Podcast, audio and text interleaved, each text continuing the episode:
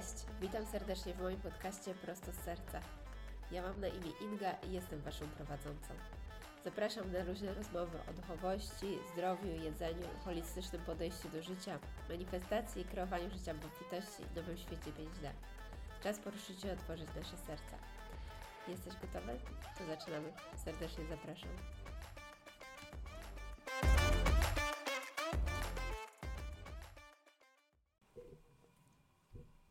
Dzień dobry, witamy w kolejnym odcinku podcastu Prosto z serca. Prosto z serca. Dzisiaj będzie mała niespodzianka, ponieważ gościem będzie prowadząca podcast, czyli Inga. Witam serdecznie. A dlaczego tak? Dlatego, że chcemy poruszyć temat, który jest dosyć e, ostatnio e, no coraz szerzej widzimy problem, a mianowicie uzależnienia wśród młodych osób. Inga zgodziła się poopowiadać e, z autopsji, jak to wyglądało. E, no i Inga, może zaczniesz i powiesz w ogóle skąd się biorą uzależnienia? Zacznijmy od Dobre takiego pytanie.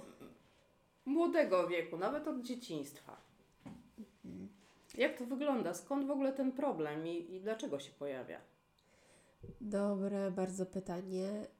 Dlaczego jedzenie przestaje być normalnym jedzeniem? Tak. Po pierwsze, to co jest ciekawe, to to, o czym dzisiaj właśnie będziemy mówić. Przede wszystkim rzeczy, z którymi ja się zmagam, o których chcę opowiedzieć, to w jaki sposób zaburzenie jedzenia i uzależnienie od jedzenia i sposób emocjonalny. I to bym chciała powiedzieć, bo jest bardzo dużo wizji społecznych, jak to wygląda i dużych nieporozumień. Ja bym chciała to wyklarować też trochę z duchowego punktu widzenia, psychologicznego. Zobaczymy z mojego punktu widzenia, jak ja to czuję przede wszystkim. I z mojego doświadczenia i jak z tego wyszłam, bo to już jest e, w mojej przyszłości, a zmagałam się przez długie lata i w różnoraki sposób. E, I w pewien sposób też, problemy z alkoholem. A wszystko tak naprawdę, każde uzależnienie, no właśnie skąd się bierze? To jest po prostu ucieczka. Dla mnie od najmłodszych lat to była ucieczka. Jako osoba super wrażliwa byłam przebodźcowana, nie radziłam sobie z tą rzeczywistością i mi się, kurde, nie podobało nic. I zaczęło się od zajadania na przykład emocji. W jakim to było wieku? Bardzo szybko. E, pamiętam, jak miałam może z 5-6 lat i byliśmy nawet na jakimś rodzinnym obiedzie. Ja mam trzy siostry. No i każdy dostaje tam tutaj jakiś rosołek, później nakładamy drugie danie, jakby tak sze- wszystko dzisiaj dzielimy. I ja pamiętam, że wszystkie moje siostry już zjadły, a ja cały czas byłam głodna. I czułam już takie mega wyrzuty sumienia, że dlaczego one już zjadły i się najadły, a ja chcę jeszcze więcej. I już patrzyłam na to jedzenie, to nie było neutralne, że jem ze szczęściem i wszystko fajnie, tylko już było naemocjonowane. Tak samo jak jeździłam do babci, babcie, wszystkie babcie kochają karmić. I moje siostry nie chciały jeść, a ja kochałam jeść i byłam, trafił swój na swego, babcia kochała karmić, a ja kochałam konsumować. I to było trochę takie właśnie jak studnia bez dna, że nie czułam się, ciężko mi się było najeść, dużo właśnie takiego typowego zajadania. I pamiętam też później na przykład, jak byłam w gimnazjum jakaś koleżanka, zupełnie też nieświadomie, bo ja też u mnie w domu, co też było bardzo ważne, rodzice nigdy nie robili presji, że dziecko musi się odchudzać, bo to też ważne, wa- warto zaznaczyć, bo są różne, słyszałam historie, że rodzice mówią, że należy się odchudzać, dziecko Tak, ma zgadza 10 lat i e, Mama wprowadzamy je program. sałaty i oczekuje, że córka To samo. e, w młodym wieku też zacznie od listka sałaty i później niestety idzie to w taką stronę niefajną. Dokładnie. A u mnie był totalny akcept ze strony rodziców. Dzieci jedzą co chcą, czasami to było też niezdrowe jedzenie, ale to też było jakby ok. I pamiętam, jak dostawałam w pierwszej gimnazjum do szkoły drożdżówkę i moja koleżanka podchodzi do mnie na korytarzu i mówi, czy ty zamierzasz codziennie jeść drożdżówki, czy nie boisz się, że będziesz gruba? I od tamtej pory, to jest śmieszne, ja wiem, że ona też nie miała intencji stworzenia takiego problemu w moim życiu, ale no ja to też tak odebrałam. Em, ale to był, miałam pewnie z 13 lat wtedy, no i się zaczęło patrzenie na siebie, że będę zaraz gruba. Zawsze też się porównywałam z siostrami, bo moje siostry były bardzo szczupłe, a ja byłam bardziej powiedzmy normalnym dzieckiem w porywach do lek zaokrąglonych policzków, ale ym, zaczęłam bardzo być patrzeć na siebie, czyli właśnie obserwuję siebie w lustrze, czy jestem gruba, czy ja już jestem gruba, czy tyję. No i się zaczynało zajadanie i odchudzanie. Już do trzeciej gimnazjum były dosłownie diety kopenhaskie, jakieś inne, ale zerowy poziom, zerowy poziom świadomości, bo ja się odchudzałam i na przykład nie jadłam przez 5 dni, a później szłam do McDonalda, więc um, to już jest inna historia. No dobrze, a jaki miałeś wtedy rozmiar? Um, normalny. No bo w tej chwili masz 34. No to E, umówmy się, no to jest bardzo dobrze, tak? Bardzo szczupła osoba. A jak wtedy było? Czy faktycznie tam było coś, co już Nie trzeba miałam- było zwrócić uwagę? Nie, nie miałam nigdy nadwagi. Y, Zawsze to było na zasadzie, że troszeczkę tyłam parę kilo plus minus. Od tego 13 roku życia do 25 ja weszłam w fazę chud- odchudzam się, tyję, odchudzam się, tyję. I co jest najśmieszniejsze, to jak na siebie patrzyłam, to ile ważyłam nie odzwierciedlało, jak na siebie patrzyłam. Czyli mogłam w okresach chudych, patrzyłam na siebie w lustrze i widziałam grubą osobę. Czyli typowe zaburzenia anorektyczne. Tak. Ja też często takie, to co mówię przede wszystkim, czym jest zaburzenie jedzenia? Emocjonalne jedzenie samo w sobie i to, że nie mamy takiej wolności i patrzymy, to jedzenie jest jakąś ucieczką. Ja na przykład miałam takie ataki bulimiczne, się totalnie najadałam. Później też mi się zdarzało wymiotować. E, widzenie siebie jako grubą, a byłam w normalnym rozmiarze, ale pamiętam któregoś razu jestem na studiach, poszłam sobie pobiegać, później kupiłam jakiś sok świeżo wyciskany, pamiętam, że był z marchewką, bo był jakiś pomarańczowy i wracam taka super, szczęśliwa, endorfiny i patrzę w odbicie w, w jakiejś tam witrynie i patrzę na swoje nogi w shortach i myślę sobie, Boże, jaka ty jesteś gruba. I to było nienormalne, teraz wiem, że to było nienormalne, ale to było szczere, jak ja siebie widziałam. To, co mój mózg wygenerował, było nienormalne. Pytanie, skąd to się wzięło? No właśnie, skąd to się wzięło? Czy oprócz tej drożdżówki, tego incydentu, od, ze środowiska, bo wiemy, że ze środowiska jest bardzo dużo napięcie i dużo e, rzeczy się bierze, e, już nie mówiąc o hejtowaniu, ale czy było jeszcze coś oprócz tej drożdżówki przysłowiowej? Em, Ktoś Cię nazwał gruba, albo ktoś powiedział, no jak Ty wyglądasz. E, Jezu, w liceum trochę... Nikt mnie nie nazwał chyba nigdy grubą, albo przynajmniej tego tak nie pamiętam. Ale faktycznie coś takiego, dużo osób, zwłaszcza mężczyzn, zwraca uwagę i wydaje mi się, że kobiety, zwłaszcza młode dziewczyny, chcą się czuć atrakcyjne, ładne. Ja pamiętam też, że na przykład w e, liceum bardzo chciałam się malować do szkoły i wyjście, z, teraz chodzę od 7 lat bez make-upu, a kiedyś to było takie, o Boże, ktoś się zobaczy bez make-upu, w ogóle nie wiadomo o co tam chodziło. Ale było coś takiego, że ja na przykład się wstydziłam jeść przy innych ludziach. Bałam się, że ktoś mi zagląda do talerza, że mnie ocenia, czy jem e, frytki. Pewnych rzeczy na przykład w liceum bym nie zjadła przy innych osobach.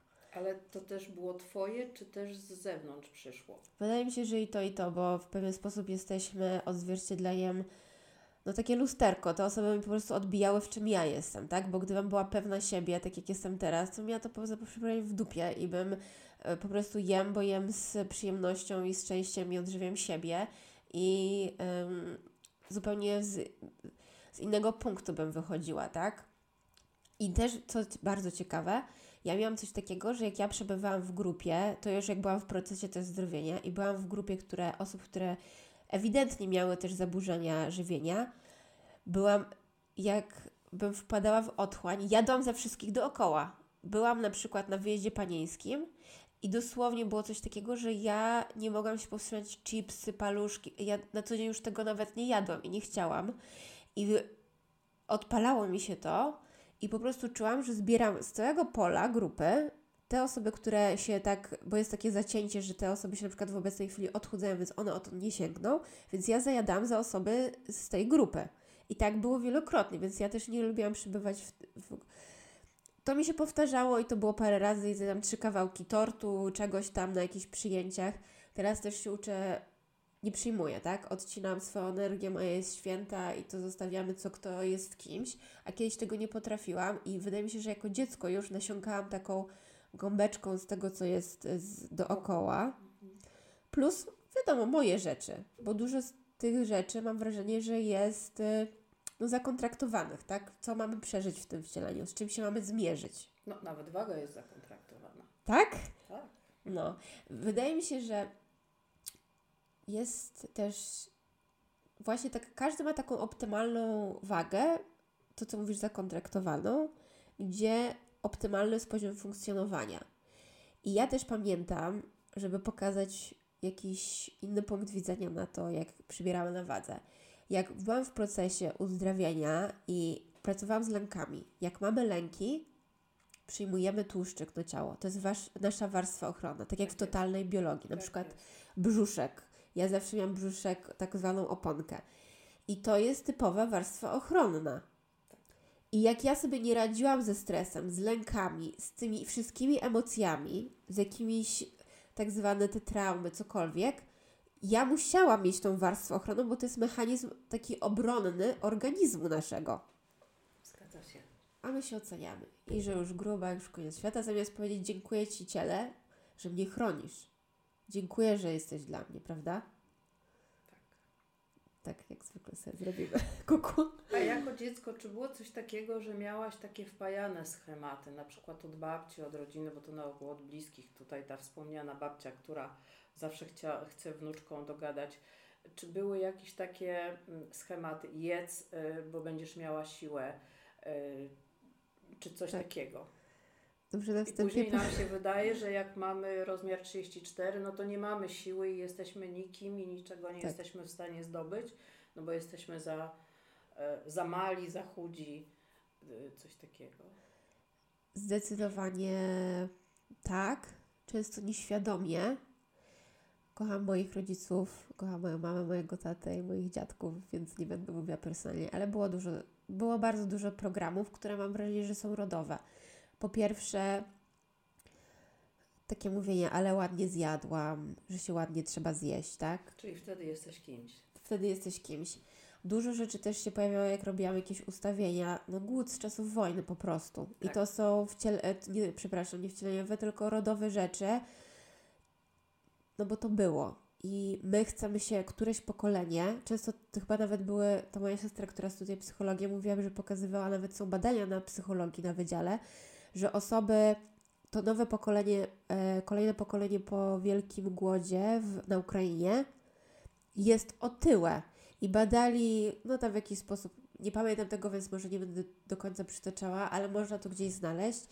I jest coś takiego, że kolejne pokolenia po wielkich głodach musi się najeść. Jest taki odruch, rzucamy się na to jedzenie, bo zaraz go nie będzie, bo się boimy, że, że zniknie, no bo to dosłownie grozi nam śmiercią.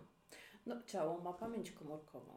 Czyli jeżeli mamy taki zapis w komórkach, no to tak faktycznie jest. Robimy to, co mm, tam pradziad, dziad, Tak, e, a nie to, co my potrzebujemy. Tak? Dokładnie. Tutaj też chodzi o zapotrzebowanie jedzenia. tak.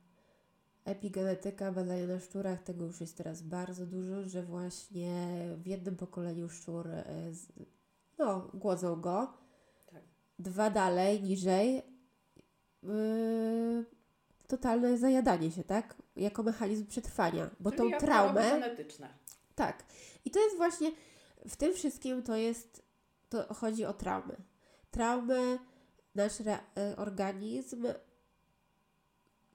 wszystkie te uzależnienia są mechanizmem obronnym, natomiast powodem, źródłem tego wszystkiego jest jakiś rodzaj traumy. Może być poprzednie wcielenie, ale nie wcielenie, tylko e, rodowe, tak? Czyli poprzednie pokolenia, to co mówimy a propos jedzenia, tak? Że było to. Mogą być poprzednie wcielenia. Mogą być płodowe. poprzednie wcielenia, absolutnie tak. Ja komuś robiłam z mojego bliskiego otoczenia i się pokazało, że ta osoba musi się w tym wcieleniu podzielić posiłkami z ludźmi, jak chce schudnąć, to uwaga, takie ciekawe, że jej problemy z jedzeniem biorą się z tego, że w którymś poprzednim wcieleniu yy, nie podzieliła się z osobą potrzebującą i żeby spalić tą karmę, musi w tym wcieleniu dzielić się z osobami, które mają problem z jedzeniem. Z jakąś fundacją gdzieś tam wesprzeć, kupić posiłek, cokolwiek. Drobną rzecz. To jest jej zadanie na to wcielenie, żeby spalić i jej odpuści. Tadam. Takie łatwe. Takie łatwe. No dobrze. Więc boksujemy się z tym, że nie dajemy sobie rady z jedzeniem. Jest za dużo, za mało, no w każdym razie nie tak, jakby chciał organizm, żeby funkcjonować normalnie. I kiedy jest ten moment, że zdajemy sobie z tego sprawę i chcemy z tego wyjść? No bo jako dziecko Tak. nie mamy pojęcia, tak?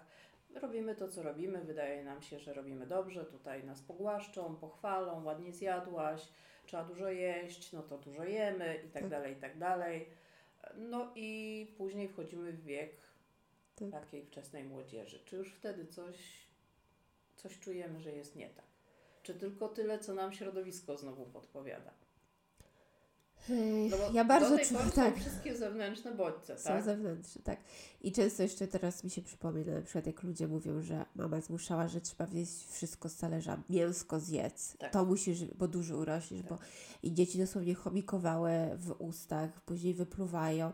No jest dużo tego, także uwaga, nie róbmy tego dzieciom.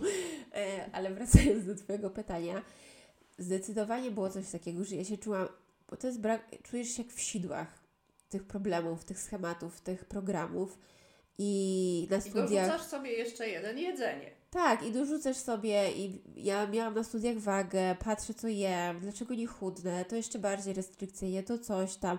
No i cały czas jesteś, myślisz o tym obsesyjnie, bo to są jak takie obsesje po prostu. Dokładnie. Nawet wpadałam później już z, z takiego, było okres objadania się i tak dalej, później wpadałam w drugie spektrum obsesyjnego zdrowego jedzenia, że trzeba, y, ja, dla mnie największym taką ujmą by było, jakby ktoś zobaczył, że ja jem pizzę, bo osoba zdrowa nie może zjeść pizzy kawałka. Czyli co, idziecie z koleżankami na pizzę?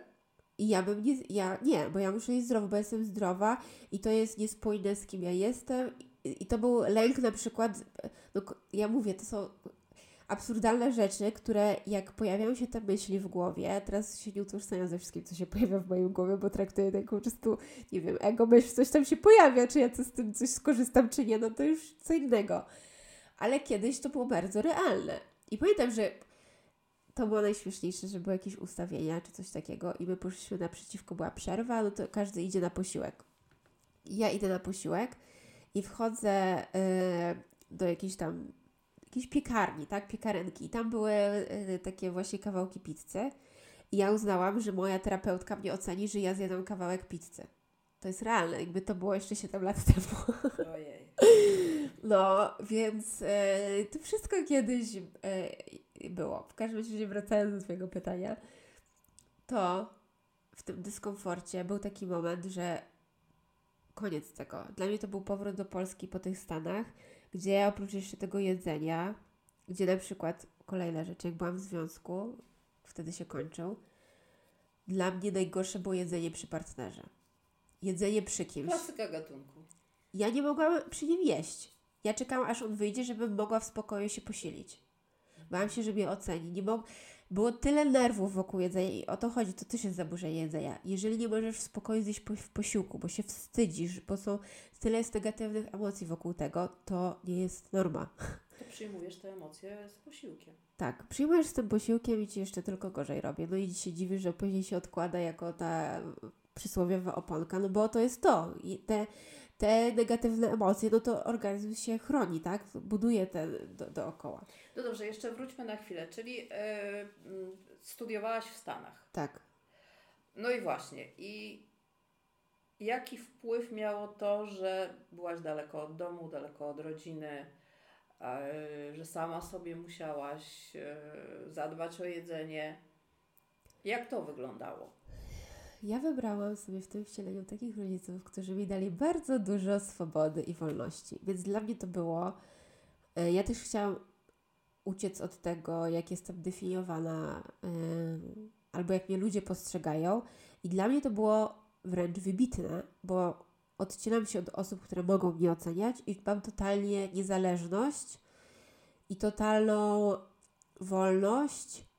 I nikt, ja mogłam i zresztą robiłam też, nie wiem, różne rzeczy się działy, ale nikt o tym nie wiedział. I dla mnie to było, czułam się, anon, dla mnie ta anonimowość, a wtedy jeszcze ja byłam w Nowym Jorku, to było ogromne miasto, dla mnie anonimowość tam była, yy, to tak jak właśnie możesz w spokoju się najeść na osobności, to ja musiałam za ocean, za ocean pojechać, żeby przeżywać pewne schematy. No i tam na przykład dużo bardzo piłam i imprezowałam też i tego nikt nie widział. Znaczy widział mój tam współlokator, jacyś znajomi, ale nikt mnie nie oceniał.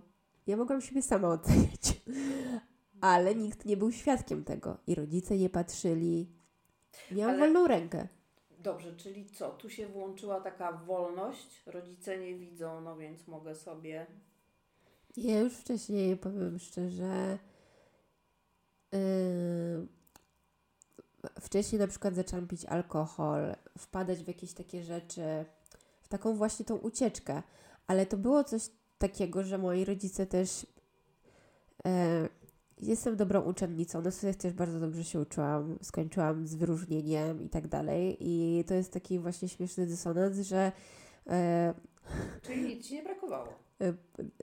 Nie, tak, no właśnie, bo jest świetnie się uczysz, tutaj dobre oceny przynosisz i jeszcze Świetna jakimś rodzina. wszystko świetne, no to i właśnie jeszcze i dlatego nie dlatego, że nie chciałam psuć jakiegoś imidżu, bo w sumie to zawsze miałam gdzieś w pewien sposób, ale robiłam czułam jakby coś nie było spójne z tą osobowością, więc lubiłam to robić anonimowo, powiedzmy, że Okej. nikt tego nie widzi. Że tylko je czułam jakbym tylko ja wtedy siebie porządnie znała Okej. że nikogo też nie dopuszczanie i ja też lubiłam być sama w swoim cierpieniu, nie dopuszczaniu ludzi do siebie. I na przykład jak ja piłam alkohol, to ja nie lubię, okej, imprezowałam, ale najbardziej lubiłam pić w samotności. Sama się zrelaksować, sobie naleć szklankę, e, kieliszek wina, bo ja czuję napięcie w ciele, bo mój mózg chodził jak na resorach e, crazy, więc ja, żeby się, żeby nie czuć, że mnie wkurza chłopak, że są perypetie miłosne, dla mnie na przykład jak ja byłam w związku i miałam bliską osobę, która ktoś, dopuszczasz kogoś siebie właśnie, kto może czujesz jego emocje i tak dalej. Dla mnie to było na przykład bardzo wycieńczające emocjonalnie. Ja wtedy najwięcej piłam. Dlatego właśnie, że jako osoba, mam wrażenie, wrażliwa, dla mnie to było za dużo. I nie umiałam sobie jeszcze wtedy radzić w inny sposób. Nie miałam narzędzi, nie wiedziałam, co z tym zrobić. Jedyne co, to to, co społeczeństwo cię uczy. Najedz się, napij się Idź spać. i idź spać. Okej. A rano powtórz. Okej. Czyli tutaj mm, ta wrażliwość bardzo dokopała. Nadwrażliwość wręcz. Na maksa. Mam wrażenie, dlatego to jest mój dzisiejszy message dla wszystkich osób, bo jest bardzo dużo osób empatycznych, super wrażliwych i które uważają, że nikt ich nie rozumie, że są niezrozum... Ja czułam się niezrozumiana przez długi czas i nie wiedzą, jak sobie radzić ze sobą, więc po wysłuchaniu tego też będziemy przychodzić do jakby takich realnych e, narzędzi tego, jak można sobie pomóc, bo to nie jest normalne. To jakby też nam Matrix podrzuca takie rzeczy, żeby nas bardziej uszkadzać, bo to tylko tylko maskujemy to, co jest pod spodem, nie goimy tego, co jest głównym powodem całych perypetii, e, jakichś tam, nazwijmy to, problemów. Nic nie leczymy, zakopujemy pod dywan e, no i, i tylko problem rośnie tak naprawdę na przestrzeni lat. Znaczy problem bardzo rośnie, bo to już wręcz zaczyna być pospolite.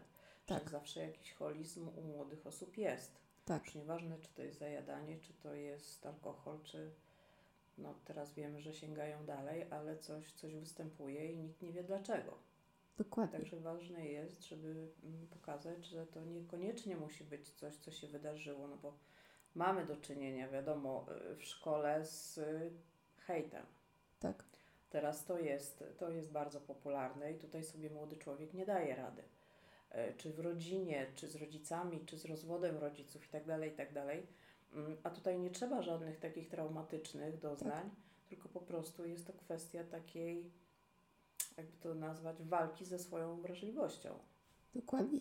Też nie ma rzeczy dobrych, złych, które się wydarzają. E, Nic nie jest samo w sobie to e, jakby traumatyczne, to jak my to odczuwamy. Jak jest osoba super wrażliwa, to ja zapamiętałam to, że ktoś mi wypomniał drożdżówkę. Teraz może mi 10 osób coś powiedzieć, ja w ogóle to o- jakby nie pamiętam tego. No wystarczy, że ktoś napisze pod zdjęciem na Instagramie czy tam Facebooku, Tak. bo wyszła. I Dokładnie. dos- I się stres... Dokładnie. E, dokładnie tak. I jak my to odbieramy. I ten poziom wrażliwości tu jest właśnie moim zdaniem kluczowy. E, bo w niektóre osoby bije 10 razy bardziej, zwłaszcza jak ktoś ma ten program w sobie, to my nawet nie wiemy, co może uszkodzić drugą osobę, co może ją naprawdę zrobić. I prosta rzecz, prosty komentarz może stworzyć dużą traumę, więc ja też nie lubię takiego warunkowania, że bo mi się w sumie nic takiego dużego nie, w sensie nie wiem, nie potrącił mnie samochód, nic mi się nie stało, tak dokładnie to nie możesz mieć problemu. Każdy może mieć problem, każdy może mieć cierpienie, każdy może postrzegać jakieś wydarzenie jako traumatyczne, bo nic samo w sobie nie jest właśnie super złe albo super dobrze. Dla, niej, pod, dla jednej osoby rozwód rodziców spłynie po nim, dla drugiej to będzie największe wydarzenie e, życia, tak? I, I to wydaje mi się, że jest e, jakiś taki kluczowy, duży poziom akceptacji do tego, co druga osoba przeżywa. Żeby nie oceniać, tylko o, usłyszeć, co ta osoba mówi, a nie machnąć ręką, czy co tak jak rodzica może się gdzieś zdarzyć, że odej spokój, nie takie rzeczy się, nie takie rzeczy były, a co ty tak przeżywasz? Weź się uspokój, nie? No A to powiedz mi, a jak środowisko reaguje na jakieś takie problemy? No bo rodzice faktycznie powiedzą, no tutaj nie ma co przeżywać, weź się do lekcji, tam do czegoś i koniec tematu. A jak środowisko szkolne na przykład?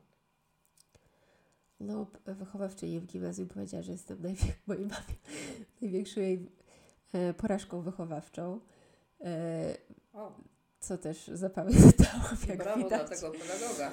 E, spotkałam tą panią pół roku, chyba z rok temu niedaleko tutaj e, pamiętała mnie. E, generalnie, A na jakiej podstawie to powiedziała? Bo ja chodziłam do Baturego, szkoły, która e, w Warszawie, jak ktoś nie No zna, to, przepraszam, miałaś tam latać, fruwać. y, Trzeba po prostu w olimpiady, No tak, wszystko wiemy, już, wszystko i tak, tak. dalej. No więc No i jak nie daj Boże dziecko, coś się z nim... I tam wszyscy po prostu chodzili, kuli, uczyli się, musisz przynosić piątki, szóstki. No jak nie daj Boże, coś jest problem wychowawczy. Ja na przykład bałam się pani od chemii, więc się na przykład zerwałam z zajęć. Ja się jej autentycznie bałam. To Okej. był dla mnie stres. I na podstawie takich później zostałyśmy raz przyłapane z koleżanką, no i musieliśmy probówki e, czy- czyścić wszystkie. Dla mnie to było bardzo stresujące i ona się uwzięła na nas i dwie, trzy osoby, które były na tym takiej czarnej liście klasy, prosiła co lekcję na przykład do, e, do tablicy, do odpowiedzi i my mieliśmy po pięć odpowiedzi, a ktoś miał zero, tak? Takie uwzięcie się. I dla mnie to było tak stresujące, że ja nie chciałam, a bardzo dużo się uczyłam. Wciąż miałam dobre stopnie, dobrze zdałam egzamin gimnazjalny i dla mnie w liceum musiałam sobie totalnie w drugą stronę yy, ulżyć, więc poszłam do bardziej takiego powiedzmy to liberalnego, gdzie jest nastawienie, gdzie pierwsze się spotkałam z tym, że dziecko jest jakby postrzegane jako że, kreatywne, czy że ktoś dobry jest z, fizycznie, czyli do jakichś sportów ma predyspozycję. Dla mnie było tylko przecież w mojej wizji wtedy, że dziecko musi się tylko dobrze uczyć, że tylko to trzeba w życiu robić. okej. Wszystkie inne aspekty czy zdrowia psychicznego w mojej głowie Nie nie, istniały. Nikt o tym nie myślał. No dobrze, zostawmy, bo tutaj to, to jest problem dużo Temat większy rzeka, tak. i, i byśmy tutaj tak do rana spędziły. Już zostawmy w takim razie tych naszych pedagogów. No dobra, to wracamy do Stanów. I jak tam było w tych Stanach? Czyli wolność, luz, nie widzą, mogę robić. Tak, i miałam różne okresy. Od super imprezowych po takich, że w ogóle wchodziłam w takie. Poszukałam rozwiązania, bo mi było cały czas niedobrze. Tam wyszłam właśnie w takie zdrowe jedzenie. No i nie zawsze to było super obsesyjne, to wszystko było fazami. Czasem coś się zaostrzało na parę miesięcy, czasem się luzowało. Generalnie wtedy się zaraja- zajarałam takim holistycznym podejściem do życia, bo to były moje pierwsze takie kroki znalezienia sposobu dla siebie. Chodziłam też na jogę. Nie było tylko tak, że cały czas imprezowałam, bo czasami było tak, że ja po prostu właśnie szłam w to, bo nie znałam umiaru, to było dla mnie najgorsze. Że często to tak jak w jedzeniu, jak miałam atak obiadania się i jesz i jest taka studnia bez dna, że nie, nie czułam jakbym konsumowała jedzenie. To jest mega... Czyli głowa podpowiada, że cały czas jesteś głodna. Tak, i to jest taki mechanizm też, no Tak. więc też chcę to powiedzieć, że tak może być, że ktoś może tak mieć i jak ktoś to ma, to jesteś wciąż normalny, możesz z tego wyjść, nie stresuj się. E, I tak samo miałam z alkoholem. Były takie momenty, że byłam tak odjechana, że jak zaczęłam pić, nie, miałam, nie czułam umiaru. Dlatego i później jak już przegięłam, to uznałam, dobra, to teraz robię parę miesięcy bez alkoholu, nie imprezuję, dobra, powracamy do tutaj yoga, tu holistycznie, zawsze lubiłam tam, próbowałam gotować dużo, więc było, to nie było wszystko takie, że e, biało-czarne, no zawsze jest się gdzieś tam na tym spektrum, ale e, po tych e, Stanach tam było cały czas takiego szukanie, szukanie swojej drogi. Czyli tam się jeszcze też jakoś nie usystematyzowało, że albo to, albo to. Już... Nie, cały czas było, było e, duża sezonowość. Była duża sezonowość i też pamiętam, że był taki okres, że coś, coś się wydarzyło, już pozostawiam, co tam się wydarzyło, ale to mnie dokładnie straumatyzowało i ja miałam coś takiego, że wpadłam przez jeden semestr na pół roku w swoje stany depresyjne. Wtedy też znowu zaczynałam pić, ale walczyłam o, starałam dosłownie walczyć o siebie. Czułam się tak, że chciałam, jakbym chciała zniknąć z tej planety. Chciałam ściąć się na łyso. Chciałam w ogóle... Yy, dlatego mówię, tam były bardzo różne fazy, różnie się działo. I to było znowu chwilowe i wychodziłam. No i przed samym powrotem dostałam cały zestaw od wszechświata, takiego dokoptowania. Wszystko się nawarstwiło, kiedy moja wiza nie została przedłużona, zostałam zmuszona do powrotu, tu się związek kończy, tu wszystko. I dostałam na tacy taki zestaw, że już w ogóle sobie wtedy nie radziłam emocjonalnie. E, pierwszy raz porządnie mi się zaczęło psuć e, zdrowie. Pierwszy raz właśnie straciłam węch, zatoki, miałam straszne migreny e, i zaczynałam dużo pić, bo ja wszystko było fajnie wtedy w związku, w naszej super relacji, dopóki ja się nie dowiedziałam, że muszę wrócić i wtedy już każdy, były zaczepki do kłótni i ja sobie emocjonalnie nie radziłam z tym, co się działo, więc lubiłam sobie, tak sobie nie radziłam, że lubiłam się napić kieliszka wina wieczorem i tak dalej i przez okres chyba dwóch czy trzech miesięcy praktycznie codziennie tak robiłam, że mnie wątroba bolała. Ale kończyłaś na jednym kieliszku? Yy, były, chodziłam na imprezy, więc wtedy więcej, ale było tak, że w tygodniu, no bo jeszcze miałam pracę i w ogóle, no taki jeden, dwa, trzy, dwa kieliszki, powiedzmy. Okay. Yy, ale też dużo płakałam, dużo, byłam bardzo zmęczona emocjonalnie, nie radziłam sobie. I po przyjeździe do Polski właśnie moja siostra wzięła mnie za rękę, jak mnie zobaczyła i yy, wróciłam końcówka września, a w listopadzie byłam w terapii już. Bo ja się też totalnie fizycznie rozpadłam. Yy, zdrowotnie. Moje płuca, ja nie mogłam oddy- Ja byłam rakiem człowieka, a miałam 25 lat, to nie było normalne. Dostałam taki zestaw od wszechświata. I ja też wiem teraz, że musiałam osiągnąć personalne dno, żeby... No bo jak jest nam tak trochę źle, to nie szukamy pomocy. Tak. Jak już nam jest hardkorowo źle, to już jak już nie możemy ze sobą, to wtedy się bierzemy w garść. A czy pamiętasz jakieś takie sytuacje, gdzie było hardkorowo źle i jak to się mówi, spieprzyłaś temat, czyli jakieś takie konkretne wydarzenia. Że się zalałaś, że poszłaś się najeść, no już nie wiem na jakim etapie było tego holizmu, ale że coś tutaj miało się wydarzyć fajnego, e, jakieś święto twoje, że miałaś pokazać się, a tutaj niestety wziął górę. No. Jezu, było parę nawet sytuacji.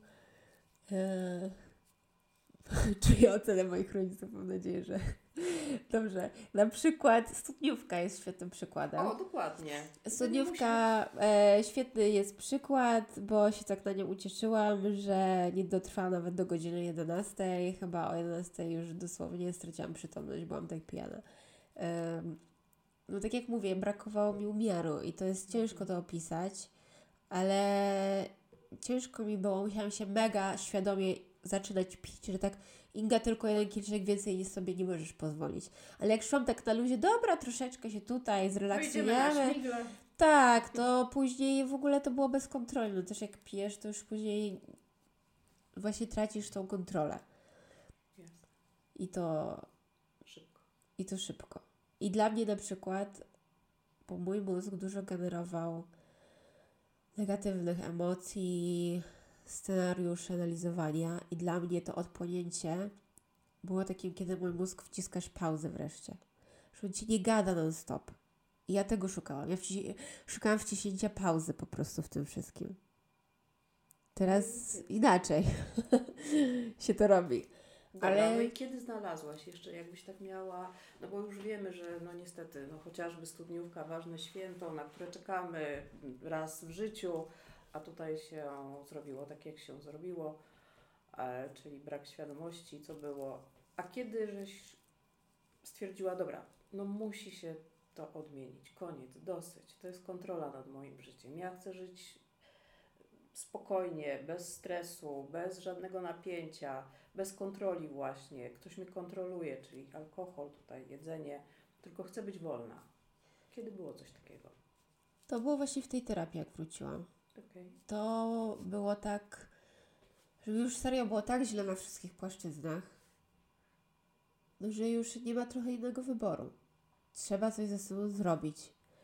I znalazłam miejsce, które yy, wreszcie ktoś umiejętnie jest w stanie. No jest tak, że coś zaklikało. Ja wiedziałam, że to jest. Ja nie rozumiałam wszystkiego, bo to odpowiadało trochę o tym w tym pierwszym odcinku, ale to było miejsce, które pracowało też na poziomie duszy, więc ja nawet nie rozumiałam na początku, kto, co, jak te panie do mnie mówiły, że coś jest z poziomu duszy, że tutaj czy ustawienia i tak dalej. Dla mnie wciąż było to wielką zagadką. Później zrozumiałam, co tak naprawdę tam robiłyśmy. Yy, ale to, co było piękne, to bardzo szybko zaczęło się bardzo szybko polubiłam Warszawę, bo ja bardzo też nie chciałam tu być wtedy. I jednym z kontraktów było to, że ja chcę polubić tu być w ogóle, żeby mi się podobało w tej Warszawie, żebym ja znalazła, co ja mam tu w życiu robić, co mam ze sobą zrobić. E, I to szybko się zaczęło zmieniać, ale też co było piękne, to to, że jak ja usłyszałam, w jaki sposób one mówią właśnie to, że coś jest, czy na przykład rodowe, że naprawiamy jakieś programy, z czymś Czyli że to pracujemy. nie jest tylko Twoja wina. To nie jest moja wina.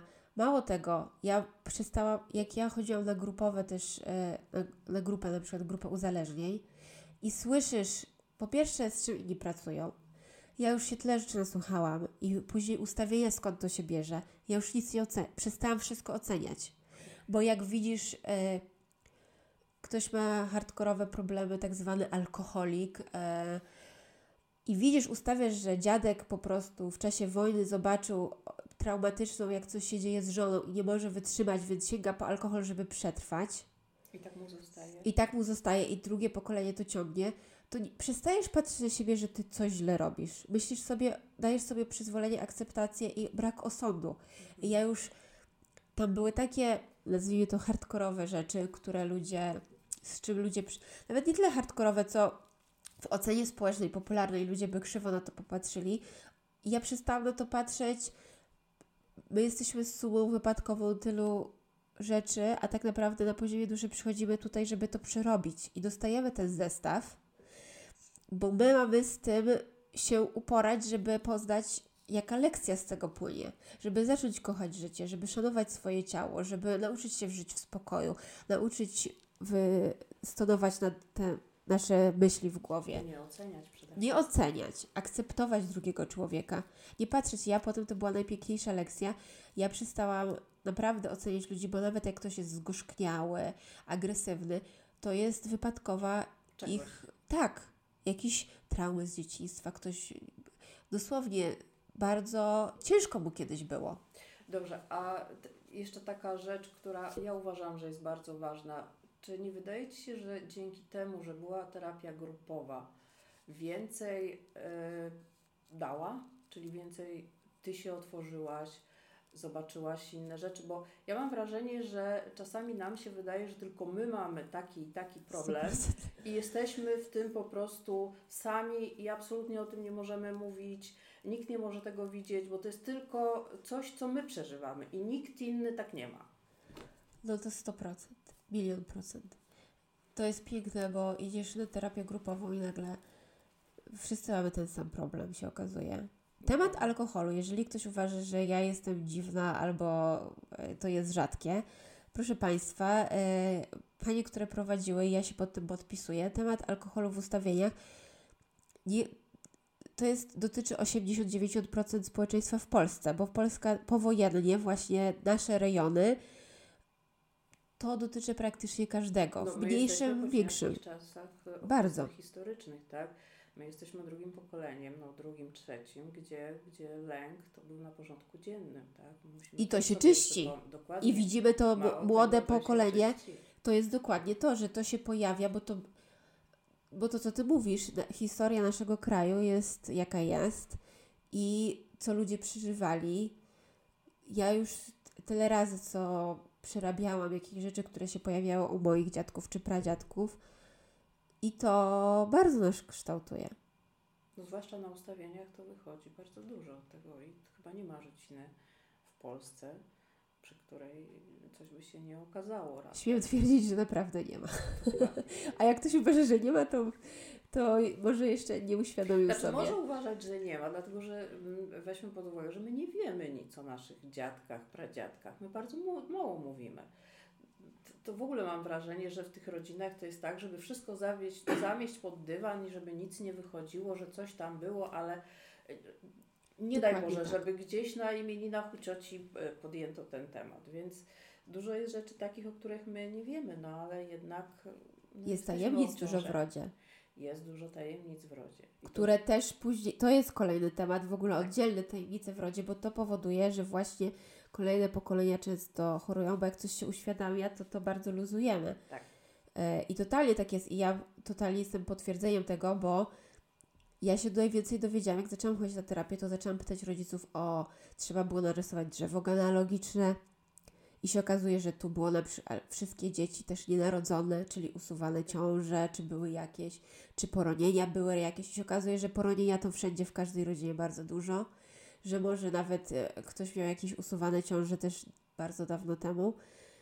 E, Mówię tutaj właśnie te x pokoleń z czym się wstecz nie godził. z czym się nie godził.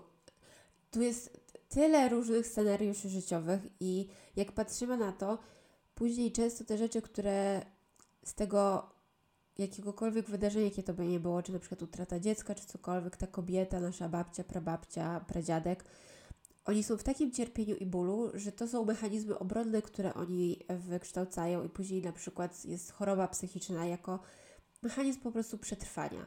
Dokładnie. I wtedy się rodzi ta empatia, bo ja mam ochotę przytulić tą osobę i powiedzieć, jest okej, damy radę. Nie musimy tego ciągnąć pięć pokoleń. No właśnie, tylko trzeba mieć tą świadomość jeszcze. Yy, no dobra, i trafiłaś na terapię, terapia bardzo dużo dała i co dalej? No i Bo ja chcę usłyszeć od Ciebie, bo ja wiem co dalej, jak jest, jest cudownie, ale jak się z tego wychodzi, tak? tak, po pierwsze to właśnie chęć zmiany, bo już miałam dosyć, to raz. Dwa, e, gotowość do pracy jest to mega zadaniowa, jak Pan, więc ja po prostu podeszłam, jakby ktoś, proszę mi powiedzieć, co ja mam robić, prace domowe, ja będę to robiła. I ja tak bardzo pod, podeszłam do tej terapii i to też było fajne, bo czasami ludzie tak niby chcą, ale później w sumie nie chcą nic robić i to tak się kończy, jak się kończy. Kolejna rzecz, e, był taki moment, że ja po prostu podjęłam decyzję, że przestaję pić. Pojawiały się głody alkoholowe, że widziałam musiałam być obserwatorem tego, co się dzieje. Czyli na przykład zapisywałam dosłownie w notatniku, w których momentach pokłóciłam się z kimś i pojawia, w którym momencie pojawia Ci się myśl w głowie, że chcesz się napić, jako mechanizm obronny. I wtedy analizujesz, w jakich sytuacjach się pojawia ta myśl, co Cię striggerowało na zewnątrz, że Twój umysł wygenerował tak, taką myśl, tak? I była, uczyłam się być obserwatorem i to też było fajne, bo to nie jest tak, że odstawiasz coś i mówisz sobie już nigdy więcej to się nie pojawi w mojej głowie, bo już zrobiłam jedno ustawienia. Później teraz To z ręką na, to jest początek. Z ręką na sercu głodów alkoholowych to już nie mam od x lat, bo w którymś momencie to zwłaszcza przy twojej e, przy pracy energetycznej, kiedy ten balans czakr i tak dalej, później to już totalnie to już nie było moje. No bo w tej chwili nie pijesz w ogóle. Od 7 lat nie piję w ogóle. Yy, I mam 31 lat, przestałam właśnie 25-26 i dużo, mało osób w moim wieku przychodzi przez to. Polecam każdemu, ale było dużo osądu. Jak sobie pijesz? I mało tego, osoby, To żyjemy w Polsce. żyjemy w Polsce, było tego osoby, które wiedziałam, że mają problem z alkoholem, najbardziej krzywo na mnie patrzyły. Czyli, czyli ty, Inga, miałaś jakieś problemy proble i taki, taki, taka twarz, e, co najmniej jakbym nie wiadomo, co w swoim życiu robiła, więc ja to już z dużą doz- dozą uśmiechu to traktowałam. E, Ale tak, no i co dalej? I pełna akceptacja też na to, co ja robiłam, na przykład jeżeli chodzi o temat jedzenia, pozwalałam sobie na jedzenie wszystkiego. Terapeutka mi powiedziała, Inga, ty możesz jeść wszystko. Dostać przyzwolenie na zewnątrz, że serio mogę zjeść wszystko. I też na przykład pamiętam jak dziś, jak miałam taki atak jedzenia i poszłam na stację Orzen przy domu, kupiłam dwie e, bułeczki, masełko, nutellę i musiałam to zjeść. I zjadłam. I spoko. I mi minęło. Ale znowu, A Jak- jak zostało w głowie? Wtedy właśnie dawałam sobie pełną akceptację, że mogę. Aha, to już było, To już było tak. ja tylko zapisywałam, Okej. co sprawiło, że, e, To spowodowało. że to spowodowało. I teraz też chcę zaznaczyć, często jest tak, że zaczynam, jak zaczynamy pracę z uzależnieniami tutaj w cudzysłowie, bo czuję, że powinno się w ogóle społeczeństwo, jest bardzo pejoratywne to w społeczeństwie, a trzeba to odmienić też. E, To znaczy, powtórz jeszcze raz. Ile miałaś lat, jak wyszłaś i byłaś siedmioletnim niepijącym człowiekiem? No, 30, 31, 31. I 7 lat już nie piłaś. tak. Dokładnie tak. Właśnie. I daję sobie za to medal i gratuluję sobie. No, Bo to było dużo pracy. Więc y, mówię o tym otwarcie. Y, I przede wszystkim też, to co mówię, pozwolenie sobie, ale też jest tak, że jak odstawiamy jeden, to idziemy w drugi. I dać sobie pozwolenie, bo i moim zdaniem jest coś takiego, że niektóre są bardzo uszkadzające, a drugie mniej. Y, Każdy z nas, uważam, ma pewien sposób uzależnienia, bo jeżeli uciekamy od rzeczywistości, szukamy dopaminy, czyli na przykład Netflix, scrollowanie po Instagramie, to jest ucieczka, to jest uzależnienie. Jedno jest y, teraz tak, upicie się totalne y, versus patrzenie na Instagram, no to lepiej jest już z Instagramem niż z upiciem się, więc tak wybierzmy zło. kiwa. Lepsze zło.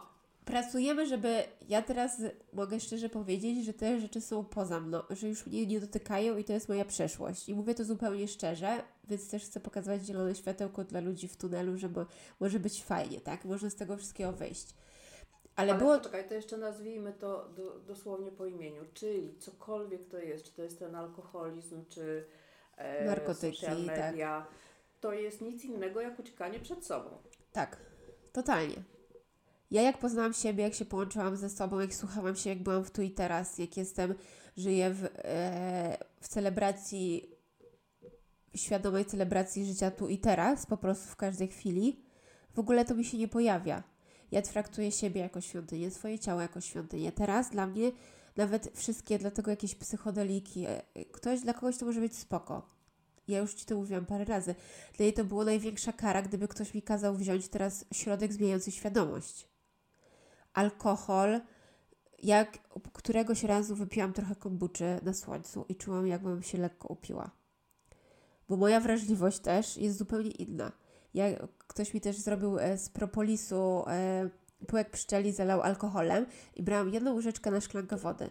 Ja powiedziałam, że jej nie prowadzę potem, bo czułam, że mi się, nie to, że byłam pijana, ale mi to spowodowało taki dyskomfort w ciele, że ja tego mega nie chciałam. Ja teraz jestem już na drugim spektrum wrażliwości, ale w tym okresie nie miałam ani kropli alkoholu i nie chciałabym, wręcz to by było dla mnie największą karą, gdybym teraz miała z kimś pić, brać jakieś, e, nawet ayahuasca, cokolwiek, cokolwiek zmieniającego świadomość co nie sprawia, że ja jestem połączona ze sobą, jest dla mnie karą.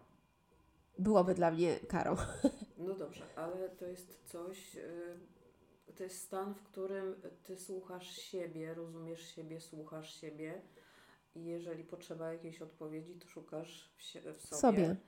e, i kierujesz się swoją siłą wewnętrzną. No ale do tego trzeba dojść. Zdecydowanie. To był proces siedmioletni. Można szybciej. Moi drodzy, można szybciej niż 7 lat. No dobrze, ale jakbyś miała podpowiedzieć, to czy y, y, terapia fajnie, super, y, y, bardzo pomaga, ale czy bardziej kierować się swoim wnętrzem i słuchać siebie, nawet raczkując, jeszcze nie mając y, wiedzy o tym mm, wszystkim, co, co, co tam w nas jest, czy słuchać środowiska? Ale środowiska mówię takiego, które jest gdzieś naokoło, tak? Czyli koleżanki, przyjaciele, koledzy.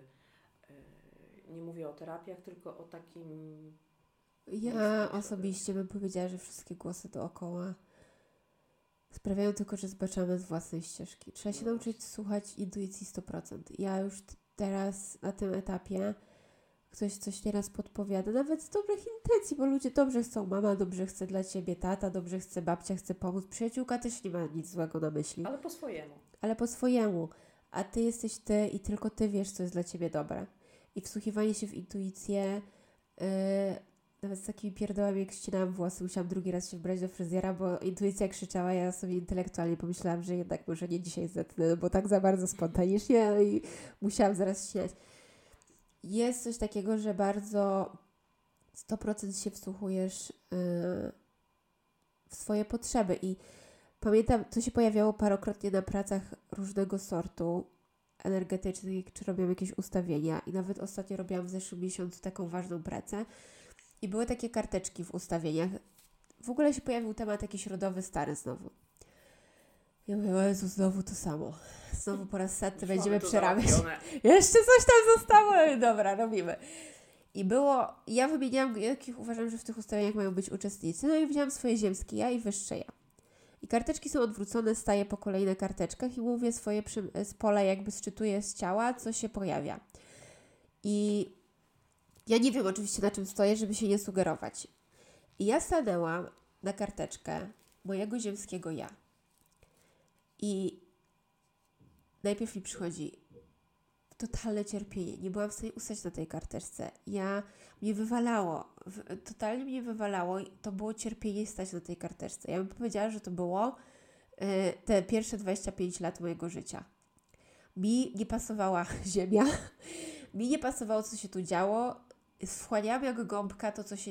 Wszystkie schematy, to jak funkcjonuje. Ja nie miałam... Dla mnie to było cierpienie. Nie miałam zgody mnie to wszystko wkurwiało i przez długie lata ja nie wiedziałam, czy ja chcę podjąć walkę, żeby w ogóle cokolwiek z tym zrobić. O co tu chodzi? O co tu chodzi, dosłownie. I dosłownie w kurw. I moje wyższe ja też mówiło, tam był kolejny. Ja myślałam, bo stawiałam na jakichś karteczkach, że to taki luz, dodaje ci skrzydeł, wszystko super. Ja mówię, pewnie to moje wyższe ja. A moje wyższe ja później, jak się okazuje, jak osoba prowadząca mówi, na czym stałam, i wyższe ja to był w kurw, że nie ma zgody na to, co się dzieje. I ja wiem, że moja dusza i ziemskie ja, i poziom duszy, bo takie Inga to już, dobra, potu- przeszłam to swoje, dostałam zestaw takiego trochę Pakiet hardcore. pakiet hardcore. W tym wszystkim w którymś momencie było coś takiego, że ja w ogóle podejmuję walkę, że okej, to ja chcę to przepracować, bo przez, ja w, w wielu ustawieniach, nawet jak miałam te 25 lat i byłam pierwsze te ustawienia, ja miałam taki ruch do ziemi, jak to prowadzi ustawienia, ruch do ziemi to było jak ja bym umierała. Ja nie chciałam, to może dziwnie brzmieć dla niektórych, ale je, je, tak bycie w ciągłej depresji życiowej. Ja się czułam przez wiele lat, jakbym miała niezdiagnozowaną, wieczną, permanentną depresję, funkcjonujący, tak jak funkcjonujący alkoholik, to funkcjonująca osoba z depresją. No ale tak jest, tak się zdarza. Nie miałam szczęścia, nie, mamy miałam tego... I były, to nie znaczy, że nigdy nie się nie śmiałam, albo nie byłam... e, Był jakiś fan, jazda na rowerze, coś tam, coś tam. Ale ja mówię o takim głębokim przeżywaniu Permanentnie było źle. permanentnie na, w takiej mojej głębi, gdybym się też, no moja dusza już po prostu przebierała, mówi, co, co, tu się znowu dzieje, co tu się... I dopiero później przechodzenie przez ten cały healing i te procesy doszłam do tego momentu, gdzie teraz bardzo świadomie podążam swoją ścieżką życiową. I to jest to połączenie ze sobą, że Twoja dusza wie, Ty wiesz, wyższe ja wie, Ty wiesz, co masz robić w tym życiu te programy, to Matrix, to wszystko, co nam ludzie gadają, te uzależnienia, cokolwiek my robimy. Czym jest uzależnienie? To nie bycie na swojej ścieżce, tylko zbaczanie, gdzie otumamiamy się, No tak, ale zagłuszamy się, że... zagłuszamy się, bo nie chcemy jesteśmy. słyszeć. Dokładnie. Ale powrót do tego to jest połączenie ze sobą. To jest jedyna droga. Musisz się połączyć ze sobą i z takimi. Dla mnie to też było połączenie się z boskością. I znowu nie w sposób religijny, tylko też to, co mówi Dispenza, że jak doświadczysz raz tego, tej boskości, chcesz więcej. To jest poczucie miłości bezwarunkowej przede wszystkim. Radości. I kiedy zaczęłam już serio się z tym łączyć, poczułam miłość bezwarunkową do siebie, do tych wszystkich części. E, tą Ingusię z lat młodości przytulałam na tyle sposobów i było szkoda tego dziecka, co ja się na cie... po prostu tak jak dorosły po- chciałam ją tak przytulić, dać jej No ja miłość. Tak tą Ingusię. Co ja jej narobiłam? Przytulić to wszystko i zalać siebie miłością bezwarunkową i teraz ja już nie robię wbrew sobie. Podążam tym, co mam robić. Słucham się intuicji. Nawet ten odcinek powstał e, właśnie, bo to takie szepty wszechświata, że tak mamy to zrobić. Ty mi opowiadałeś historię jakąś o młodej osobie. Ja zaczęłam mówić o swoim doświadczeniu, mówić, tak trzeba to Zrobić. zrobić, bo więcej osób zrobić, bo ty nie jesteś sama. Młody człowiek musi to usłyszeć z osoby, ust osoby też, która przeszła przez to wszystko. I da się z tego wyjść. I da się z tego wyjść. Mało tego. Dużo osób mi w trakcie tego mówiło też, osób, z którymi ja pracowałam i teraz też w pełni to wiem, że taka była moja ścieżka życiowa i ja miałam przejść przez cały wachlarz dziwnych, różnych doświadczeń, bo jak będę pracować z ludźmi, jak pracuję z ludźmi i siedzi obok mnie osoba, która przeżyła hardkory, ja mogę jej szczerze spojrzeć w oczy i powiedzieć, Bo ja wiem, co to było. ja wiem, co to znaczy. Ja dokładnie to samo przychodziłam, czułam i zobacz na mnie, to nie jest permanentne. To serio nie jest permanentne. To jest stan, który wszechświat nam pokazuje, żeby coś uleczyć, ale ty nie jesteś tymi myślami, te wydarzenie cię nie definiuje i jest światełko w tunelu. Można przez wszystko przejść, jak się chce. No dobrze, to, to pięknie przeszłaś przez to. Gratulacje. No to teraz yy, wskoczmy w ten taki fajny yy, yy, okres, yy, bo robisz fajne rzeczy biznesowo. Tak. To powiedz, jak to się zaczęło? Skąd w ogóle pomysł Na soczki? na soczki? Na Bo soczki. masz yy, dwa punkty z soczkami. Tak. stacjonarne, oprócz tego online, catering, wszystko zdrowo. Zaczęło się tak, że w tym wszystkim, w całym chichocie losu, miałam zawsze gigantyczne prowadzenie z góry. Wszechświat mnie pilnował bardzo. I w tych ciężkich momentach, i w tych pozytywnych. Nawet jak nie narzekam, ja zawsze miałam to prowadzenie. I tak samo było z soczkami. To był trzeci dzień po przyjeździe do Polski, gdzie ja byłam w tych największych hardkorach. I ja w taka naburmuszona siedzę w aucie i mówię mojej siostrze, "Już nic nawet nie ma zdrowych zielonych soków w tej Polsce, może byśmy coś takiego założyły. No i ja taka wkurzona i to z tego powstało. I to najpierw było rzucone żartem i to kiełkowało, ale tak to się zrodziło. Więc zawsze te dobre, znowu jakiś szept do ucha od wszechświata, który Okej, Wiedział- ale dopiero zaczęłaś słuchać. za, y, tak, ale nawet ja uważam, że nawet jak przechodziłam przez te najtrudniejsze momenty, zawsze palec Boży na to czuwał. Zawsze było tak, że ja miałam ochronę. I wiem, że miałam swoje przeżyć, ale też była bardzo dużo, było dużo w tę ochronę na maksa. I teraz, teraz jak już jestem połączona z moimi przewodnikami duchowymi, jak czuję swojego anioła stróża, ja inaczej też to przeżywam. Wtedy nie byłam połączona, nie gadaliśmy sobie. e, ale jakby trochę taki mi się pojawia film, który mamy, jest trochę zareżyserowany już, że coś mamy przeżyć. Niektóre rzeczy, coś, szczegóły mogą się potoczyć różnie, tak? Ale pewne wydarzenia, ja miałam mieć tu wrócić, do, zrobić sobie jakąś tą pracę. Tworzenie Cold Pressa to była jak cała terapia, i uczenie się różnych aspektów. I też weszłam dopiero teraz na nowy etap tej działalności, kiedy ja już w pełni wchodzę, jestem w swojej mocy i czuję, że jest czas na rewolucję i przed, e, zrobienie też nowych rzeczy. Ja wchodzę z inną energią do ludzi też. E, Więc cały czas to we mnie rosło i ja wiem, że też dostałam taką działalność, żeby po kolei sobie właśnie przypracowywać. E, Wszystko się pojawiało. Ja oczywiście już chciałam, żeby dużo, szybko, wszystko fajnie. Wszystko się robiło w takim planie, w takim tempie. Teraz widzę, patrząc wstecz, tak jak miało się wydarzyć. Kolejny punkt miał się wydarzyć w tej... Umysł nie jest w stanie zaprogramować tego, jak ma być świetnie po Bożemu, że tak powiem. To nie jest i lepiej tego nie róbmy, Tak. bo tam jest plan trochę inny. Więc ja... I często łatwiejszy. Tak. Y, I w tym momencie co sobie zrobię autoreklamę, bo to mój podcast, więc mogę. Ale było coś takiego, że yy, no właśnie, będziemy wprowadzać zmiany, zmieniam nazwę i będą nowe rzeczy oferowane. Zmiana energetyczna firmy. Też pracowałam z panią numerolog. Właśnie tak, tak to jest biznes energetyczny 2023. Nie, to są biznesy bardzo popularne, tylko u nas w kraju się o tym nie mówi. Tak, Przypominam, że cały Hongkong według Feng Shui został zbudowany. tak. A to nie wiedziałam. No właśnie. Wszystkie, wszystkie te mm, większe, znaczy te wieżowce, y, które tam, banki czy, czy jakieś korporacje są budowane według Feng Shui. Budowanie działalności zgodnie z różnymi zasadami to jest temat rzeka. I jest coś takiego. Ja założyłam swoją firmę. Pani numerolożka powiedziała, że nazwa się nadaje jak do e, fabryki, nie do fabryki, tylko do e, kopalni węgla, do kamieniołomów. I tak nie boksowała się pani? Ja mówię, kurde, co ja się naboksowałam przez te lata. No i tak było. Orka na ugorze, powinno być płynąć.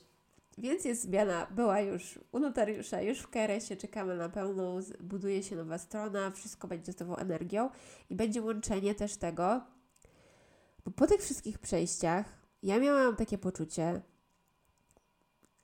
już w którymś momencie też przy tych akaszach i tak dalej, ja widziałam swoją przyszłość, gdzie ja, że pewne rzeczy się będą odpalały. Widziałam, że na przykład muszę zacząć mówić na Instagramie, na social, social mediach, bo tam też w którymś będzie taki boom, że coś stryknie i po prostu to mega pójdzie. Więc ja od początku czułam, że wiedziałam, w którym kierunku mam iść, rosła we mnie pewna gotowość. W którym momencie będzie tak, że będę mogła totalnie to robić. I jeszcze tak zbierałam pewne narzędzia, tak, budowanie takiej mocy swojej wewnętrznej na 100%, bo też chciałam mieć takie poczucie, że już nikt mnie nie zwali z nóg. I przychodziłam, zeszły rok był fenomenalny, ataki psychiczne, ludzie jakieś klątwy, złożycze, co tam się działo. I ja wiem, że już tworzenie, o, tak zadbanie o siebie, że ja już jestem w stanie A może to były egzaminy? To były egzaminy, totalnie. Ja już byłam gotowa rzucić rękami sobie, walę to wszystko, ile można, już jakby, proszę, żeby po prostu pozytywienie. E, tak się śmiejąc. Było różne ciekawe rzeczy. I teraz wiem, że wchodzę na nowy etap i to się budowało. I tak jak ten podcast jest świetnym przykładem. Wszystko, wszechświat go przejął i osoby, które mają się pojawiać. Ja rozmawiam na spotkaniu biznesowym, jestem z kimś, później do mnie pisze, oczywiście, że super się rozmawia i tak dalej, będzie zaproszona, więc w szczegóły niebawem. Później, o, a moja siostra też robi akaszę, dlaczego nie powiedzieć, że robisz akaszę? No i się okazuje, że zawsze trafi swój na swego. Mam po kolei osoby już ustawione, do, z kim będziemy rozmawiać. Tematy się same pojawiają, wszystko zawsze datowo się pięknie synchronizuje. Wszystko jest w totalnym prowadzeniu, że ja praktycznie się nie męczę, w ogóle się nie męczę. To jest czysta przyjemność robienie tego, bo to płynie. I ja wiem, że na każdej płasie, to jest czysta intencja, no bo tylko nagrywamy się, dzielimy, bo ja bardzo bym chciała, żeby ludzie słuchali właśnie, żeby znaleźli takie światełko w tunelu, że Boże, ktoś też to przez to przychodził, to ja też jest szansa, że znajdę narzędzia, że można w ten lub inny sposób, tak? I jak my jesteśmy właśnie w takiej synchronizacji, to wszystko ma płynąć, bo o tym jesteśmy, że jak jest, wchodzimy na tą ścieżkę. I ja wiem, że teraz właśnie wychodzenie, e, nowa marka ma być o budowaniu e, świadomości. Ma być o budowaniu świadomości i budowaniu nowo, nowych paradygmatów, krok po kroku. Możemy zaczynać w mały sposób, ale ja wiem, że mam dużą wizję na to, bo ten cały to całe główienko, które przeszłam, to jest jak taka sprężynka. Im więcej, im bardziej na dół, tym ja wiem, że bardziej teraz mogę Do wysoko do góry, bo mi już tak wkurwiło za przeproszeniem to wszystko. To bycie na dole. To bycie na dole i to takie te programy, ten, ja mam już taki, że ten wkurw mnie mobilizuje. Ja, te, to on się budował latami i ja już mam takie ochoty zburzyć wszystko, zróbmy nowe paradygmaty na tej ziemi, żeby te dzieci, bo widzę nowe pokolenie, moja siostra ma 21 lat i widziałam wśród jej rówieśników bo to jest niby 10 lat różnicy, ale ogromne, ogromna różnica, to jest jak nowe pokolenie. Oni się Mhm. No tak, wychowywali i też ich energetyka jest zupełnie inna. To ty możesz najlepiej powiedzieć, bo masz młode osoby, które tu przychodzą. Tak. Yy, to powiedz coś o młodym pokoleniu. No bo to jest. To znaczy, no, to, o młodym pokoleniu to kolejny podcast można znowu mówić. Najważniejsze jest to, żeby młode pokolenie od Ciebie, bo Ty też jesteś młodym pokoleniem, no nie oszukujmy się, to co podkreśliłam, że 31 lat i 7 Tak. lat nie pijesz. E, żeby młode pokolenie po prostu od Ciebie usłyszało, że można inaczej, Tak, tak? Że nie trzeba patrzeć cały czas, 24 godziny na zewnątrz, co ktoś zalajkował, kto coś powiedział, kto coś zrobił, co w szkole i tak dalej, tylko jednak skupić się na sobie i bardziej kierować się tą swoją siłą wewnętrzną, którą my mamy, e, e, każdy ma, mamy w sobie i, i dzięki niej możemy nawet się e, uzdrawiać. Więc to jest chyba najważniejsze i właśnie też do tego kolejnego pokolenia, żeby zrozumieli, że można, że wcale nie trzeba tak żyć, jak nakazuje e, środowisko, Środowisko, chociażby. Bo dokładnie. jak wchodzimy w środowiska, to wiemy, że zaczynając od przedszkola, y, y, że gaśnie w nas ta iskra właśnie tego, tej samoświadomości, tego widzenia, intuicji e, i zaczynamy się kierować tym wszystkim, co się dzieje w cywilizacji. Także na, z tej rozmowy to dobrze by było, żeby wszyscy wynieśli można. można. Mało tego, ja bym powiedziała, że moje życie czuję, że dopiero teraz jest najlepszy okres mojego życia Dokładnie. i że czy, zaczynam żyć pełnią życia. No ale to jest tylko 31 lat, bo Tak. mm, wcześniejsze pokolenia musiały na to pracować 40 lat, 50 lat i albo się odnalazły, albo się nie odnalazły, a tutaj jest cudowny przykład, że można szybko. Tak.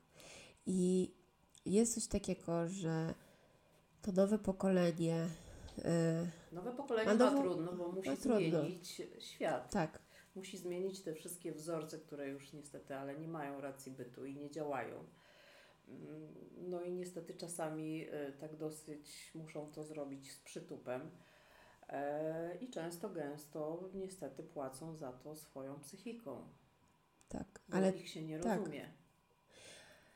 absolutnie i to, co powiedziałaś, muszą mieć odwagę, żeby robić nowe rzeczy Dokładnie. i muszą cię, mój wszechświat musi cię poturbować, żebyś ty się dokopał do swojej mocy. Bo musisz mieć na tyle dużo odwagi w sobie, żeby robić to, bo my jesteśmy na etapie tej górnolotnej nowej ziemi, że burzymy stare schematy, jak funkcjonuje świat, w, w cały sposób. Pr- Przecież co się dzieje w pracach. Korporacje już nie są w stanie utrzymać pracowników, zalewają bonusami wszystkim. Ludzie nie chcą funkcjonować w ten sposób, pracować tak jak pracowali, bo to nie jest ludzkie, tak? Jak robicie? E, I te młode pokolenie, jest tutaj TikToki, te inne rzeczy, tu tańczymy, tu hihichach, ale nagle ludzie mogą zarabiać milionowe, mieć kontrakty reklamowe i tak dalej, bo sobie tańczą na, przy, te, przy telefonem. I jest, to wszystko się zmienia i to już widać. I my musimy odnaleźć drogę i dlatego każdego młodego, zagubionego człowieka ta droga, którą musi przejść, im więcej hardkorów, tym mam wrażenie, że proporcjonalnie większy potencjał do przejścia, żeby ktoś się dokopał do swojej e, wielkiej mocy, żeby mieć siłę budowania tego nowego, bo o tym jest to nowe pokolenie, to kryształowe i te energie jeszcze jest cały czas dość gęsto na ziemi. Jest ciężko, nie jest łatwo. Tak. Też dajemy wszystkim poziom empatii, że my wiemy, że bywa ciężko w tej gęstości 3D, w tych schematach. Żeby budować to, my musimy wyjść poza to, wyżej, więc te delikatne energetyki, te kryształowe te, tego nowego pokolenia, ty to chyba najlepiej widzisz właśnie na zabiegach, jaka, jak widać po prostu energetycznie. Potwierdzasz, nie wymyślam. Bardzo się zmienia. Bardzo się zmienia. I im jest ciężej, ale oni są o nowym. Oni przyszli tu, żeby tworzyć nowe. Tak. I nie jest im łatwo. Nie jest im łatwo, absolutnie. Także wspierajmy, pomagajmy i miejmy nadzieję, że właśnie tutaj ten przykład będzie dla nich takim dobrym przykładem, że można, Tak. to można szybko. To ja teraz Dobrze. Ciebie zapytam, jaka jest rola rodzica? Bo jeszcze chciałam poruszyć ten temat, bo okej, okay, młodzież młodzieżą, ale dziecko, które jest tam do 18. Czyli dziecko jest też w energii rodziców. Często chyba też przychodzi do ciebie rodzic i mówi, że ma problemy z dzieckiem. Tak. Bo dzieci same do ciebie nie trafiają per se, dwunastolatek. Tak. To znaczy, to jest bardzo, to, to, to jest bardzo ważne i no niestety tu jeszcze żyjemy po staremu. Mhm. Rodzice nie mogą, nie zdają sobie sprawy, że dzieci są oddzielnym człowiekiem i należy takich traktować. Tak. E, no niestety jest, jest inaczej i e, wydaje im się, że mogą na każdym kroku dziecko uzale uzależniać od mhm. siebie. I dziecko nie ma prawa głosu, nie ma prawa wyboru Zobaczmy, co się dzieje z wyborem, chociażby wyborem e, studiów, e, zawodu. E, no i dzieje się tak, jak się dzieje. Dzieci tego nie wytrzymują, nawet spełniając marzenia rodziców. To mijają 2-3 lata i dziecko po prostu się poddaje, zaczyna się alkohol, właśnie narkotyki i dziecko chce po prostu żyć po swojemu, tak. a nie być kolejnym prawnikiem w rodzinie, czy kolejnym lekarzem w rodzinie i tak. Także no najważniejsze jest to, wiadomo, że wychowujemy tak jak umiemy. Nie ma książki na dobre wychowanie dziecka, bo każde dziecko jest inne. Tak jak my wszyscy jesteśmy inni, inną energią i tutaj nie dostaniesz podręcznika, dobrze przeczytaj i tu będziesz miała wszystkie wskazówki, jak wychować dziecko. Po prostu wychowujemy jak umiemy i to też trzeba zrozumieć, ale przede wszystkim nie ograniczać tego dziecka. Niech nam się nie wydaje, że to, co dla nas jest dobre, to dla dziecka jest idealne bo dziecko może zupełnie czego innego potrzebować. I często rodzic przelewa To jest podstawa, swoje, rodzic przelewa tak. wszystko, już pomijając to, że e, no, o, zwłaszcza młodsze dzieci przejmują wszystko, co się dzieje emocjonalnie w domu. No doworodki, te maluszki takie to już w ogóle absolutnie. Też, e, dokładnie. I, I, no właśnie. I my tego nie, nie chcemy widzieć. Rodzice tego nie widzą i nie chcą widzieć. Że każda kłótnia, każda awantura to jest po prostu e, strzał w dziecko. Dokładnie tak. No i co to biedne dziecko może? No wiadomo, nic, bo jest uzależnione od rodziców. Tak. Także traktujmy dzieci e, jak dorosłych, e, to jest z punktu dorosłego, rozmawiajmy z nimi jak dorosły z dorosłym, a nie dziecko z dorosłym czy nauczyciel z dzieckiem i przede wszystkim rozmawiajmy, bo komunikacja. My nie umiemy tak. rozmawiać. My nie umiemy rozmawiać między sobą e, i nie umiemy rozmawiać z dziećmi. A dzieci często, zwłaszcza te młode pokolenia, to są tak stare dusze i one mają więcej mądrości w sobie niż jeden dorosły. I jak podchodzimy tak, że dorosły jest tu wyżej, dziecko jest tu niżej i patrzymy w dół na to dziecko i mu coś każemy, mówimy, bo my wiemy lepiej, bo jesteśmy dorośli. A właśnie guzik prawda, bo często jest tak, że dorosły mniej wie niż to dziecko, intuicyjnie wyczuwa, generalnie ma większą naturalną mądrość w sobie. No. Dokładnie, ale my nie y, oczekujmy od dziecka, że y, wszystkie rozumy y, pozjada y, i wszystkiego się nauczy, wyuczy i to y, sam tylko po prostu y, słuchajmy tego, co ma do powiedzenia. Dziecko często ma do powiedzenia to, co jest bardzo y, naturalne. I to jest inny sposób niż my byśmy chcieli usłyszeć, ale taki prawdziwy sposób. Nie zabijajmy tego w dziecku. Tak. Nie zabijajmy w dzieciach y, chociażby tego, że widzą więcej. Tak. Przypomniało mi się, jak kiedyś mi opowiadać, jak robiłeś pracę yy, i ktoś przychodzi właśnie z dzieckiem no i na poziomie duszy mówisz, no ale to dziecko by chciało to i to, to była propos kierunku studiów i tak dalej. A rodzic, ale jak to? Jest nadal brak akceptu, nie? Że dziecko by chciało, że dusza będzie wyzdrowieje i dziecko będzie miało się dobrze, jeżeli wybierze taką i taką ścieżkę, a rodzic ściana. Ale jak to? Przecież to ma być prawnik na przykład. Teraz wymyślam. No właśnie, to ma być prawnik. E, no najlepsze, co może być najlepszym narzędziem, bardzo dobrym narzędziem, e, jest zrobienie e, planu duszy. W planie duszy widzimy, tak? I to fajnie, jak rodzice robią w ogóle małym dzieciom. I tam widać predyspozycję, w jakim kierunku rozwój w ogóle zawodowy, ale też w jakim kierunku rozwój dziecka, bo czasami są problemy, że my na to patrzymy i nie wiemy, czy iść do lekarza już, czy się tym zająć, czy to jest naturalne. Y, A być może dziecko przyszło z jakąś taką no nie przypad no przypadłością no, po prostu i, i musi sobie sam z tym poradzić. A my po prostu pomagajmy ze swojej strony. Tak. Ja bardzo lubiłam chodzić na wszystkie. U Ciebie lubiłam plan duszy. E, Była u Pani numerolog, która z daty urodzenia można, słuchajcie, wyczytać wszystko. Bo ja podawałam przez telefon datę urodzenia, Pani do mnie wraca i całą litanię. I mówi wszystko, co się zgadza. I mówi więcej niż ja wiem. Bo ona to widzi, a ja mam to nieuświadomione. I to jest fajne, bo przede wszystkim nie chodzi o przewidywanie przyszłości, tylko chodzi o zobaczenie swoich mocnych stron, słabszych stron, z czym mamy, nad czym się mamy pochylić, co jest do przepracowania i to jest super. Zwłaszcza to u dzieci. pracować, y, zwłaszcza jak nie jest za późno. Bo no, nam się wydaje, że to jest wszystko takie wróżenie z fusów i tam, a no ale no co ktoś tam może wiedzieć, tak samo co ktoś tam może o Tak. nas powiedzieć. No może powiedzieć z cyfry, dużo może powiedzieć. Więc czasami się trochę trzeba pochylić do innych narzędzi niż Tak, ja lubię jak jesteśmy z Marzenką i jest na przykład nowa osoba w grupie i coś tam Marzenka tak, a kiedy Ty się urodziłaś? Albo przyznaję się, jak się z kimś spotykamy, a kiedy on się urodził? no tak, tutaj koziorożec, tu coś tam, ty, ten, tutaj ziemski, la. I słuchajcie, leci z, takim, z taką analizą, że to jest wszystko, no, generalnie jakby znała tego człowieka, powiedziałam na to urodzenie, ale jeszcze jak podamy godzinę, miejsce, to tam już można wszystko poszaleć. No i trzeba, do, trzeba chyba doświadczyć, żeby wiedzieć, o czym mówię. Ale jeszcze chciałam powiedzieć jedną rzecz, która mi się przypomniała, jak to mówiłaś.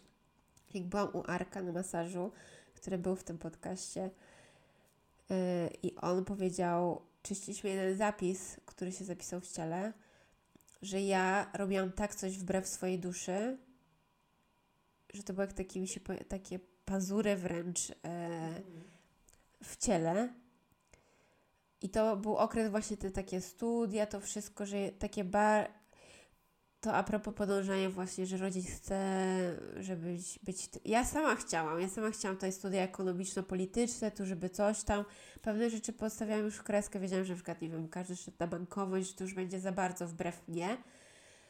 Ale to jest właśnie słuchanie siebie, bo to się na, aż się w ciele zapisuje. To nie jest tak, że my czegoś nie chcemy. To jest to są te rany, które później w nas, e, no one żyją wiadomo, kiedy wyskoczą. i w, dokładnie. Sobie, przy- I każą sobie przypomnieć Tak. o pewnych zdarzeniach. Tak, to jest, to jest kolejna sprawa. No dobrze. Czyli dzisiaj temat wyczerpaliśmy. Więc tak wyczerpaliśmy. Miejmy nadzieję, że pomoże innym, że nie będą zamknięci w sobie ze swoimi problemami i, i będą, będzie to urastało do ranki traumy i, i jakiegoś holizmu. Tylko już Tak. mają naświetlone, że można i to można szybko z tym zawalczyć i zmienić. Czyli co, mam powiedzieć dziękuję. Tak. Ja jeszcze tak e, spojrzałam jeszcze szybko na notatki i chciałam ostatnie zdanie. Jest coś takiego, że my możemy się zbudować na nowo. Nową Tak. naszą tożsamość. Nie utożsamiajmy się z tym, kim jesteśmy, jak nas postrzegają rodzice, przyjaciele. Wręcz, jak ktoś słuchał o dispensie, przy skokach kwantowych i tak dalej, jak my się chcemy zmienić, my się stajemy nową osobą. Tak. Więc to moje nie picie, to kim ja jestem teraz, ja nawet z chęcią nagrywam ten odcinek, a ja nie do końca lubię mówić o tych przeszłych rzeczach, bo jakbym ja, ja czuję, jakbym wchodziła w trzy wcielenia wcześniej, albo jakby to było takie za przyszłe czasy, w ogóle nie utożsamiam się z tym, to jest tak stare dla mnie, jakby tego już, bo tego nie ma. Ja jestem zupełnie w czymś innym teraz, w innych energiach jestem inną osobą, nie utożsamiam się z tym ani trochę, więc można się zmienić energetycznie, umysł się zmienia, nowe połączenia neuronowe, ciało, komórki, pamięć, ko- czyścimy, budujemy siebie na nowo. To jest możliwe.